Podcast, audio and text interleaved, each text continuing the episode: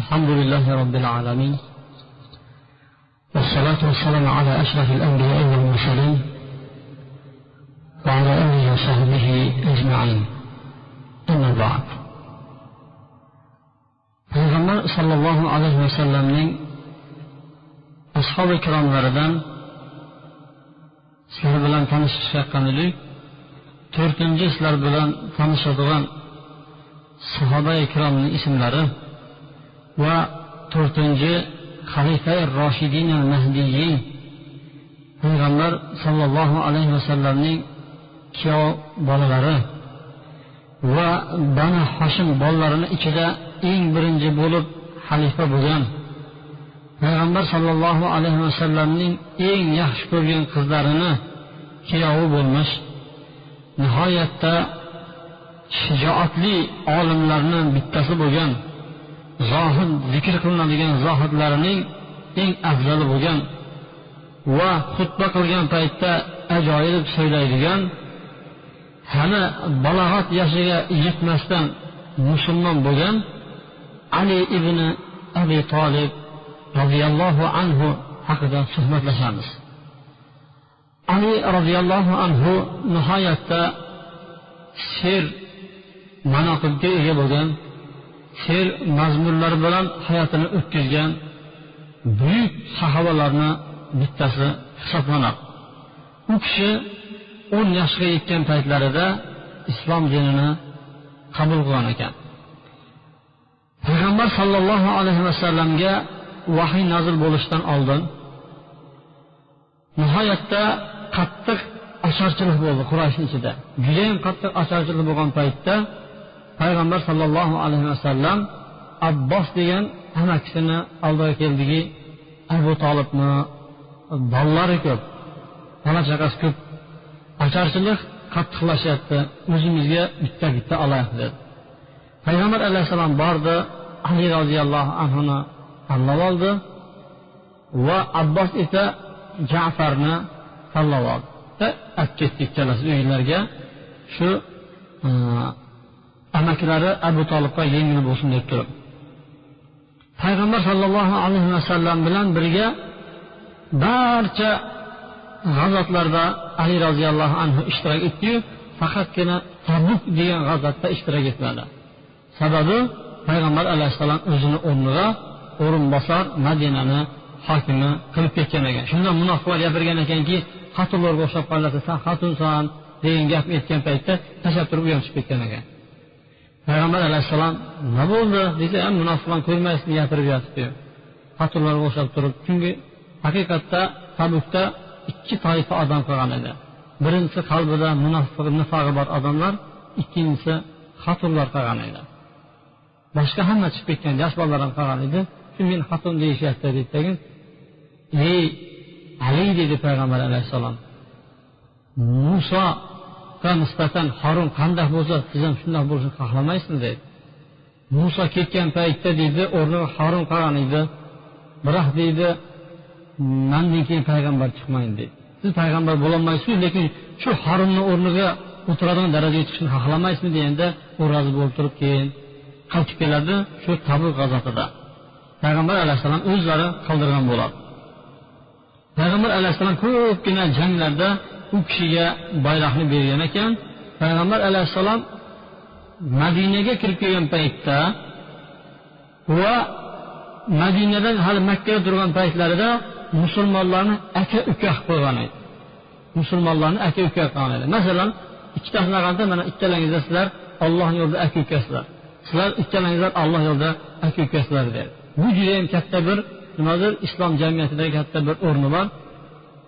Qaniydi bizlar ham xohlardikki mana shu ishlarimizda ham ikkita ikkita bo'lib turib ollohni yo'lida bir biriga do'stlarga aylansak bir birimizni tez tez borib ko'rib tursak uyimizdagi ishlarimizda xabarlashib tursak moddiy tomondan ham ma'naviy tomondan ham birga yuradigan birodarlar bo'lishini xohlardik biz ham payg'ambar alayhissalom ana shunaqa qildiyu faqatgina ali roziyallohu anhuni bittasi bilan qo'shtirib do'st qilmagan ekan ya'ni aka uka qilmagan ekanki Eh, anta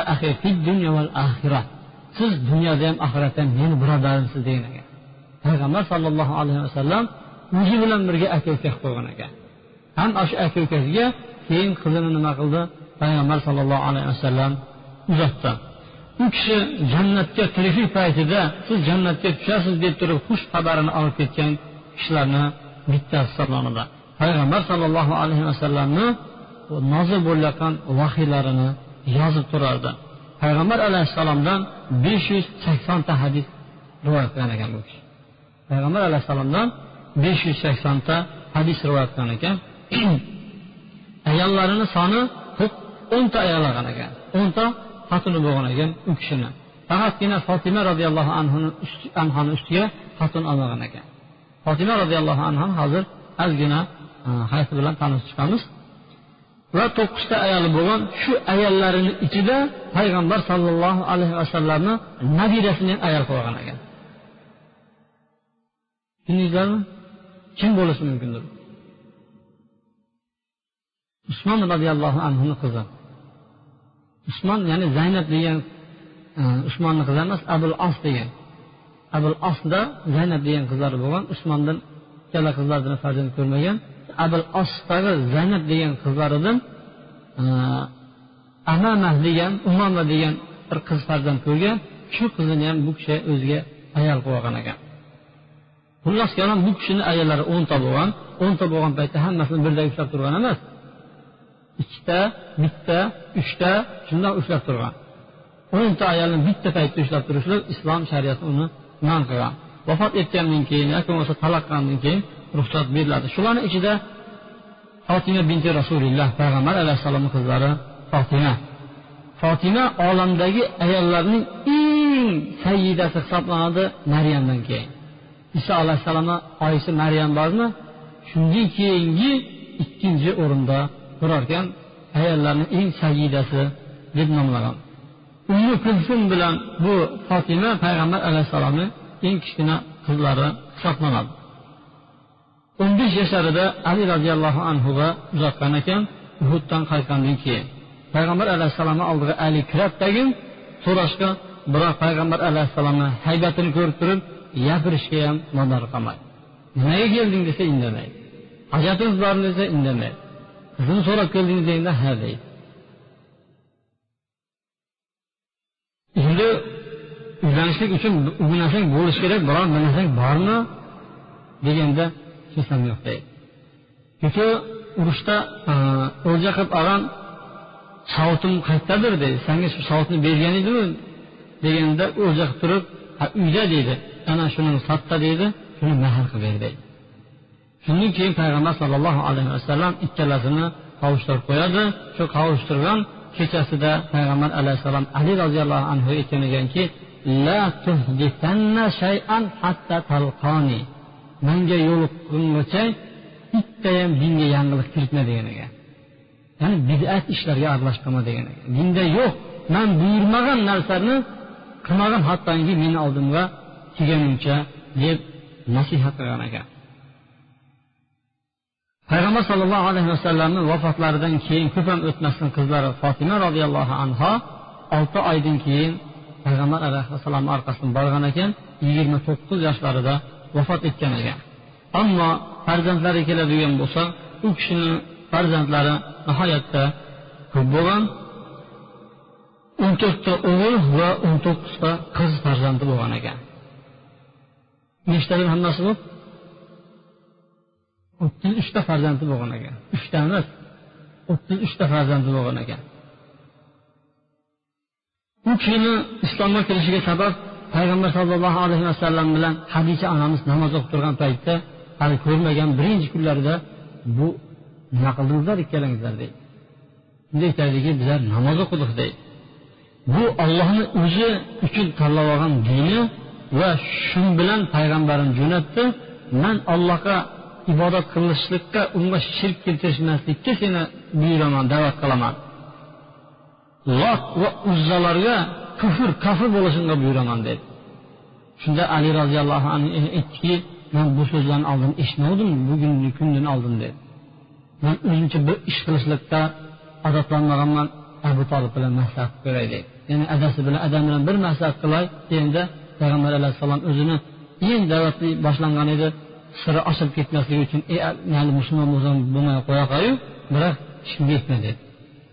Shu kechani o'zida alloh subhanava taolo u kishini qalbiga islomni kirgizdi va ertalab turib payg'ambar alayhissalomni oldida shahodat kalimasini aytgan ekan. Ali roziyallohu anhu va islomni qabul qilgan paytlarida adasiga ko'rsatmay yurgan ekan. Adam so'kib beradimi deb turib uzoq uzoqlarda u tog'larga sira tog'larga chiqib turib namoz o'qib shunaqa qilib yurar ekan bir kuni adasi ko'rib qoladi. Nimadir deydi bunaqa shunaqa muhammad alayhissalomga ergashdim shuni dinini ushlayapman deganda mahkam deb it qo'ygan ekan. Biroq u kishini o'zi islomga kelmasdan mushrik holatida o'tib ketgan u kishini adalari. Payg'ambar sollallohu alayhi vasallamga hijrat qilish buyrug'i kelgan paytda hamma sahobalar hijrat qilib ketgan edi va faqatgina kambag'al ojiz notavon odamlar hijrat qilmasdan qolgan edi. Va shu bilan birgalikda ali roziyallohu anhu ham hijrat qilmagan edi. Mushriklar payg'ambar alayhissalom uyini o'rab oldi. Shu kecha hamma qabiladan bitta odam yig'ilib turib nayzalarni ushlab turib payg'ambar alayhissalomni bit turib o'ldiramiz deb turib jamlanishgan alloh taolo jabroil alayhissalom turib vahiy jo'natdagi tezroq chiqib keting dedim dedi. O'rniga ali roziyallohu anhuni yotqizib ustilariga o'zini yashil ko'rpachasini o'tdagi sanga qo'rqma hech narsa bo'lmaydi dedi. Hech narsa bo'lmaydi deydidagi nima qildi? Payg'ambar alayhissalom chiqib ketdi. Nima uchun u kishini tashlab ketdi? Kim biladi? Bir odamni hozir o'ldirmoqchi bo'lsa dushmanlar. Bir odamga aytganki shu bugun meni sindirib ketishmoqchi meni o'rnimga yoqtirdi sanga hech narsa desa tishlik kerak menga deydi. Durustmi? Faqir kishi panada deydi ali roziyallohu anhu rozi bo'lgan ekan. Shunchalik shijoatli shunchalik botir sahobalardan hisoblangan u kishini tashlab ketganligi sababli payg'ambar sollallohu alayhi vasallamga qarshi bo'layotgan mushriklar kofirlar payg'ambar alayhissalomga omonat qo'yishgan ekan. O'zi qarshi chiqadi payg'ambarimiz yamonlarni so'kardi biroq omonatlar u paytda bank bo'lgan emas omonat kastalar bo'lgan emas borib pulini topshiradigan to'y qo'yib bo'lsa boyagi o'ttiz uchta bolasi bor edi ikkitasi ketib qolardi. Yoki bo'lmasa nimadir ko'piydi o'g'rilar ham. Ishonmas edi. Payg'ambar sollallohu alayhi vasallamga kelib topshirib qo'yishadi o'zi payg'ambarga qarshi so'kib urishardi. Biroq omonatlar bo'lsa mana shuni ushlab turchi manga keyin qaytarasan deb berib ketardi ana shunaqa omonatlar payg'ambar alayhissalom ko'paydi dushmanlarni ichida. Shu omonatlarini o'ziga berib qo'yadigan bo'lsa bu ketyapti deb ushlab qolishadi. Ali roziyallohu anhu aytgan mana omonat palonniki mana tuqqanniki hammasini berdi keyin o'zing bor debdi payg'ambar alayhissalom nima qildi? Hijrat qilib ketdi.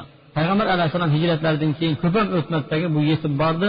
Yetib borgan paytda payg'ambar alayhissalom bir qishloqda edi shu qishloqqa kelgan paytlari yetib kelgan ekan. Payg'ambar alayhissalom chaqiringlar dedi kelolmadi chunki oyoqlari shishib yorilib ketgan edi piyoda yurganda. Tunda yurib turib kunduz kuni bekinib yotar ekan ya'ni mushriklarni ushlolmasligi uchun. Payg'ambar alayhissalom kelib quchoqlashib ko'rishdayin oyog'ini silatdagi bitta tupurib qo'yuvdi. Umrini oxirigacha u alamni sezmasdan o'tib ketadi u kishi. Sifatlari u kishini bo'yi uzun bo'lmagan o'rta bo'yli va kalta ya'ni sal pastroqqa yaqin bo'lgan ekan o'rta bo'yli bo'lgan ekanu shu o'rta bo'yliqni pastroqqa yaqin bo'lgan ekan. Bug'doyrang bashara ekan basharasi. Soqoli katta rosiyam ham keng va oppoq soqolli ekan. U kishi soqolini bo'yamasa ham faqatgina bir marta xinaga bo'yagan ekanku keyin bir marta bo'yagan keyin hech narsaga bo'yamay shu bo'yicha tashlab qo'ygan ekan. Sochlari ozgina bo'lgan ekan biroq kal bo'lgan ekan u kishi. Ya'ni sochlari kerak kal bo'lgan ekan. Qorni katta yelkalari keyin bilagi yo'g'on boldirnama oyoqlari ham baquvvat baquvvatdan mana ikkita kafti sal qo'polroq ya'ni qo'polroq degani nimadir. Judayam odamlar bo'ladi bitta ushlab qilib bo'lsa qo'lini tortib odamlar bo'ladiyu shunaqa odam qo'llari ikkita kafti katta katta bo'lgan ekan. Ko'zlari dumaloq dumaloq katta bo'lgan ekan. Hattoki ba'zi paytlarda u kishi surma ham surib yurar ekan yurgan paytda baquvvat yurar ekan ya'ni lapashanglarga o'xshab turib yurmas ekanda tikka gavdalarini shunday chiqirib turib yurar ekan jangda agar bir kishi bilan jangga kiradigan bo'lsa albatta uni yengmasdan qo'ymas ekan. Urushga kirgan paytda yugurib yurarkan. Shunaqa bir baquvvat kishilardan bo'lgan.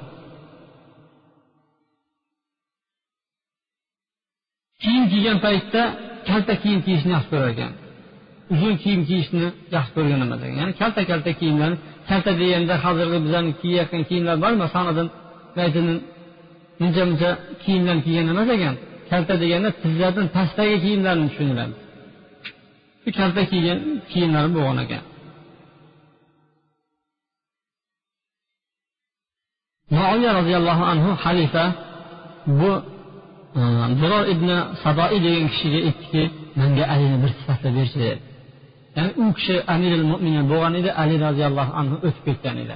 Shu sifatini aytib bering deganda qo'ysangiz ey amiril mo'minin deganda yo'q albatta sifatlamasang bo'lmaydi deganda aytgan ekanki u juda kuchli gapirsa bo'lib bo'lib gapiradi.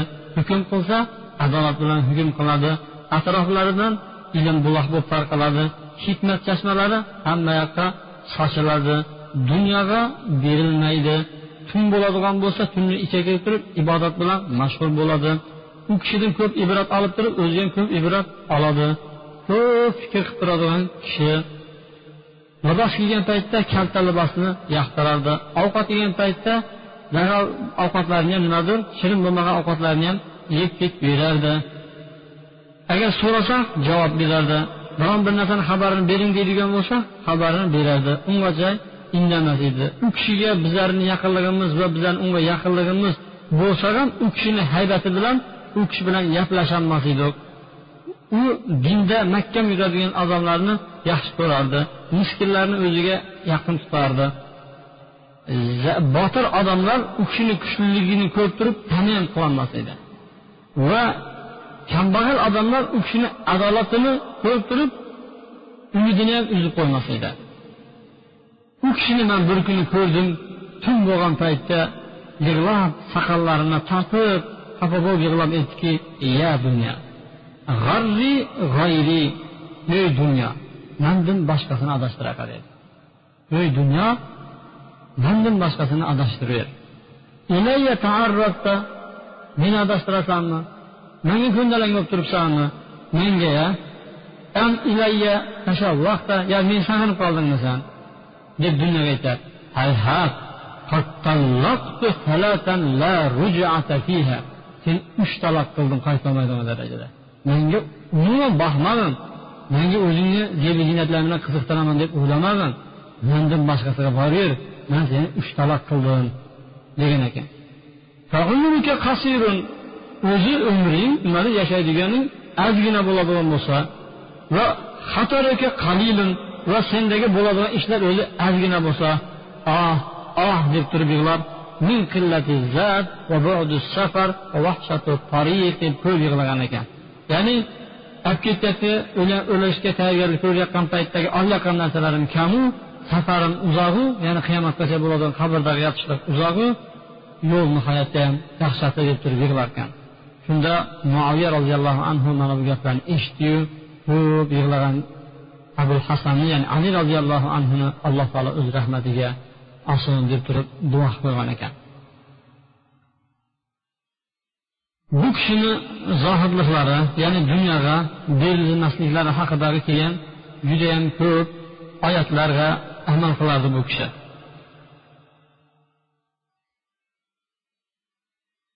bir kishi keldiki yo amiral mo'minin baytul mol deydi mollarga sariq kumushlarga oltin kumushlarga to'lib ketdi dedi. Bug'doy arpa hamma narsalar bilan to'lib ketdi dedi. Shunda baytul molni bilamizmi nimadir byudjet ya'ni xazina musulmonlarni xazinasi shu ko'payib ketdi dedi ali roziyallohu anhu borib tag'in barini tarqatib turib shu yerda ikki rakat namoz o'qib turib yerda uxlab qolgan ekan. Man nima qilaman barini yetgan paytda bu miskinlarni yetimlarni haqqi bo'lsa tezroq man egalariga yetkazishim kerak deb turib borib tarqab turib shu yerda uxlagan ekan. Bir kuni ali roziyallohu anhu uyiga kiradi. Uyiga kirsa hasan va husayn ikkalalari yig'layotgan ekan. Savol tug'iladiki nima uchun yig'layotgan ekan? Bizlarda nima uchun degan bo'lsa bittasi ikkinchisini urgan bir narsasini olib qo'ygan shunaqa. U ikkalasi nima uchun yig'ladi desa ochliqdan yig'layapti deydi. Ali roziyallohu anhu chiqib ketadi. Chiqib bozorga ketayotgan paytda bir dinor topib oladi. Dinor topib kelib turib fotima roziyallohu anhuni oldiga ayollarni oldiga olib keladi. Olib kelgandan keyin falon yahudiyni oldiga borsang deydi ehm, shunga deydi bir unab kelsangiz undan ovqat taom pishiramiz deydi. Keyin shu bilan shu yahudiyni oldiga boradi.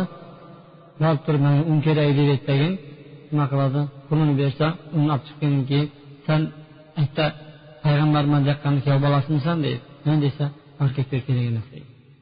U kishilar bilardi payg'ambar alayhissalom bilardi. Lekin ularni kibr havolari nimadir? Payg'ambar alayhissalomga ergashishni to'sdi shu kishini kuyov bolasimisan dedi. Ha dedi. Hozirgi paytda katta ishda ishlaydiganni kuyov bola nima ish qiladi? Bozorlarda bir dinar qidirib yuradimi? Bu bildiki u haqiqiy payg'ambar bu osh yurgan ham haqiqiy payg'ambarni kuyov bolasi dinani kerak emas borib ketaver dedi. Keltagin bo'lgan gapni aytdi. Bo'lmasa dedi bor dedi falon joyda bir qassob bor dedi shunga borsam dedi. Shunga deydi dirhamiga deydi san tashlab kel deydi sanga dirham qaytarib beradi tagin go'sht olib kel deydi go'sht olib keyin boyag'ini yaxshilab turib un bilan go'shtni chiroyli ovqat qilib tag'in payg'ambar alayhissalomni oldiga olib keladi payg'ambarimizni chaqirib turib payg'ambar alayhissalom aytadiki mana shunaqa mana shunaqa bo'ldi. Shu un berdi mana bu go'sht olib keldik agar halol bo'lsa siz yeng bizlar ham yeymiz bo'lmasa yemaymiz degandan keyin payg'ambar sallallohu alayhi vasallam boyag'ini nima qiladi? Ovqatidan yeydi. Yegandan keyin payg'ambar alayhissalom aytdiki agar shunaqa shunaqa bo'lgan bo'lsa deydi shundoq shundoq tavob turib shunaqa bo'lib turib o'zi rozi bo'lib o'zi bergan bo'lsa go'shtni shundoq olgan bo'lsangizlar kuli bismillah bismillah deb yeyveringlar deydi payg'ambar alayhissalom yeydi. Shundoq yeb turgan paytda bitta bola baqirib o'tib qolayotgan ey musulmonlar bir dinarimni yo'qotib qo'ydim deb baqirib yurgan bo'ladi. Shunda payg'ambar alayhissalom bor chaqirib ketaydi nima bo'ldi? deydigan bo'lsa shu bajarib yurganim bir dinarim yo'qolib qoldi deydi. Unda payg'ambar sallallohu alayhi vasallam aytadiki ali deydi bor deydi. Qassobga borib ayt dedi payg'ambar yubordi deb aytdi shu bir dinarni qaytarib berar ekanu boyagi dirhami payg'ambarimizni bo'ynida ekan deb aytib qo'ydi. Keyin boradi tag'in payg'ambar alayhissalomni shunaqa aytgandan keyin dinarni qaytarib olib kelib turib bolaga bergan ekan. Agar hozirgi paytda shunaqa bo'ladigan bo'lsa bizlar chiqamizmi? Ha? Bo'ldi o'zi ketib qoldingni olib qo'ydi buni qanday qaytaramiz deb aytamiz. Payg'ambar sallallohu alayhi vasallam nihoyatda adolat ediki chaqirib boyag'ini olib kelib turib o'zini bo'yniga qarzini ilib turib boyagi bolaga nima qildi? Berib yubordi hattoki bir dinarni ham payg'ambar alayhissalom bo'ynida qolishini xohlamagan ekan. Alloh subhanava taoloni izni bilan oyatlarga nihoyatda amal qiladigan payg'ambar alayhissalom nimani aytdi u kechiktirmasdan amal qiladigan kishilar ekan. Bir kuni bilol roziyallohu anhu peshinga azon aytdi. Azon aytdidagin odamlar namozga turdi. Bu namozxonlarni ichida ruku qilayotgan sajda qilayotgan allohdan ba'zi narsalarni so'rayotgan kishilar bor edi. Shunda ali roziyallohu anhu ruku qilib turgan paytda ikkinchi odam namozda bir narsani so'rayotgan ekan. Ali roziyallohu anhu ruku qilib turgan edi. Bittasi sajda qilyapti yonidagi odam allohdan bir narsani so'rayotgan paytda ruku qilib turgan joylarida shunda qo'lda uzugini yechib shunday bergan ekan. ruku qilib turgan joyida shundoq turib o'zingiz boyanga bergan ekan keyin haligi kishi payg'ambar alayhissalomga kelib turib namoz o'qiyotganda mana shunaqa so'rayotganda shu namoz o'qiyotgan joyda ruku qilib turib boyagi uzugini yechib berdi degandan keyin payg'ambar alayhissalom mana oyatni o'qigan ekan إنما وليكم الله ورسوله والذين آمنوا الذين يقيمون الصلاة ويؤتون الزكاة وهم راكعون albatta sizlarni do'stlaringiz deyapti yani do'stlaringizni kimligini bilib olinglar musulmonlarga aytyaptiki sizlarni do'stlaringiz olloh va uni rasuli va ruku qilgan holatlarida e'tibor beringlar ruku qilgan holatlarida namoz o'qiydi va zakatini beradigan kishilar. Ana shular sizlarni do'stlaringiz deyapti. Sizlarni do'stingizlar deyapti olloh va uni rasuli va namozni barpo qiladi zakatni ado qiladi ruku qilgan holatlarida deb bu hech kim hayolga kelmaydi. Ali roziyallohu anhuga alloh subhana taolo shu holatni bergan ekan. Bir odam ruku qilib turgan paytda uni kallasiga qahtim keladi. Alloh subhana taolo aytyaptiki namozni barpo qiladi zakatni ado qiladi ruku qilgan holatlarida deb bir odam ruku qilgan paytda zakatini berish qiyin edi. Va boya holatdan tug'ilish qiyin edi. Bitta ali roziyallohu anhuga nasib bo'ldi payg'ambar alayhissalom bu oyatni o'qidiyu bu oyatdan bizlarga yana nima kelib chiqardi? Bizlarni do'stimiz olloh va uni rasuli va ali roziyallohu anhu. Nima uchun? Chunki boyagi oyatga amal qila bildi bizani ichimizda bormi? Ruku qilgan holatda namoz o'qiymiz o'qiymiz. Ruku qilgan holatda zakatimizni bera bildikmi berolmadi mana ali roziyallohu anhu bera bilgan ekan. Yana alloh subhanava taolo u kishi haqida oyat tushirgan ekan. Bir kuni shu och qolgan paytlarida ishlab kelayotgan o'zini bog'laridan bir arpani olib kelib turib undan taom pishiradidagin o'zi yemasdan turib bitta miskinga olib borib beradi. Keyin ertasi kuni shunda ovqat bilan pishiradidagin yetimga olib borib beradi. Uchinchi kuni bir mushrik bo'lgan bir asirga olib borib beradi. Asirga olib borib bergandan keyin uchinchi kun oyat tushgan ekan. ويطعمون الطعام على حبه مسكينا ويتيما وأسيرا jannat ahllarini sifatlarini aytdida jannatga tushadigan odamlar bunaqa bunaqa bunaqa bunaqa bunaqa bo'ladi ular uchun anhorlar oqib turadi buloqlar fontanlar bor dedidagin aytdi ular shunday sifatga ega bo'lgan kishilaru o'zlari shu mol duniyoni yaxshi bo'libdi ko'rib turib miskinga yetimga va asirlarga ovqat beradigan odamlar dedi bu oyat deydi ali roziyallohu anhu haqida tushgan deydi bu kishini sifatlari haqida inshaalloh kelasi jumalarimizda suhbatlashamiz سبحانك اللهم وبحمدك أشهد أن لا إله إلا أنت أستغفرك وأتوب إليك ilohim parvardigori hammamizga ali roziyallohu anhu sifatlari bilan sifatlanishimizni nasib qilgin vasallallohu vasallam ala abdika va nabiyika muhammadin va ala alihi va sahbihi ajmain برحمتك يا ارحم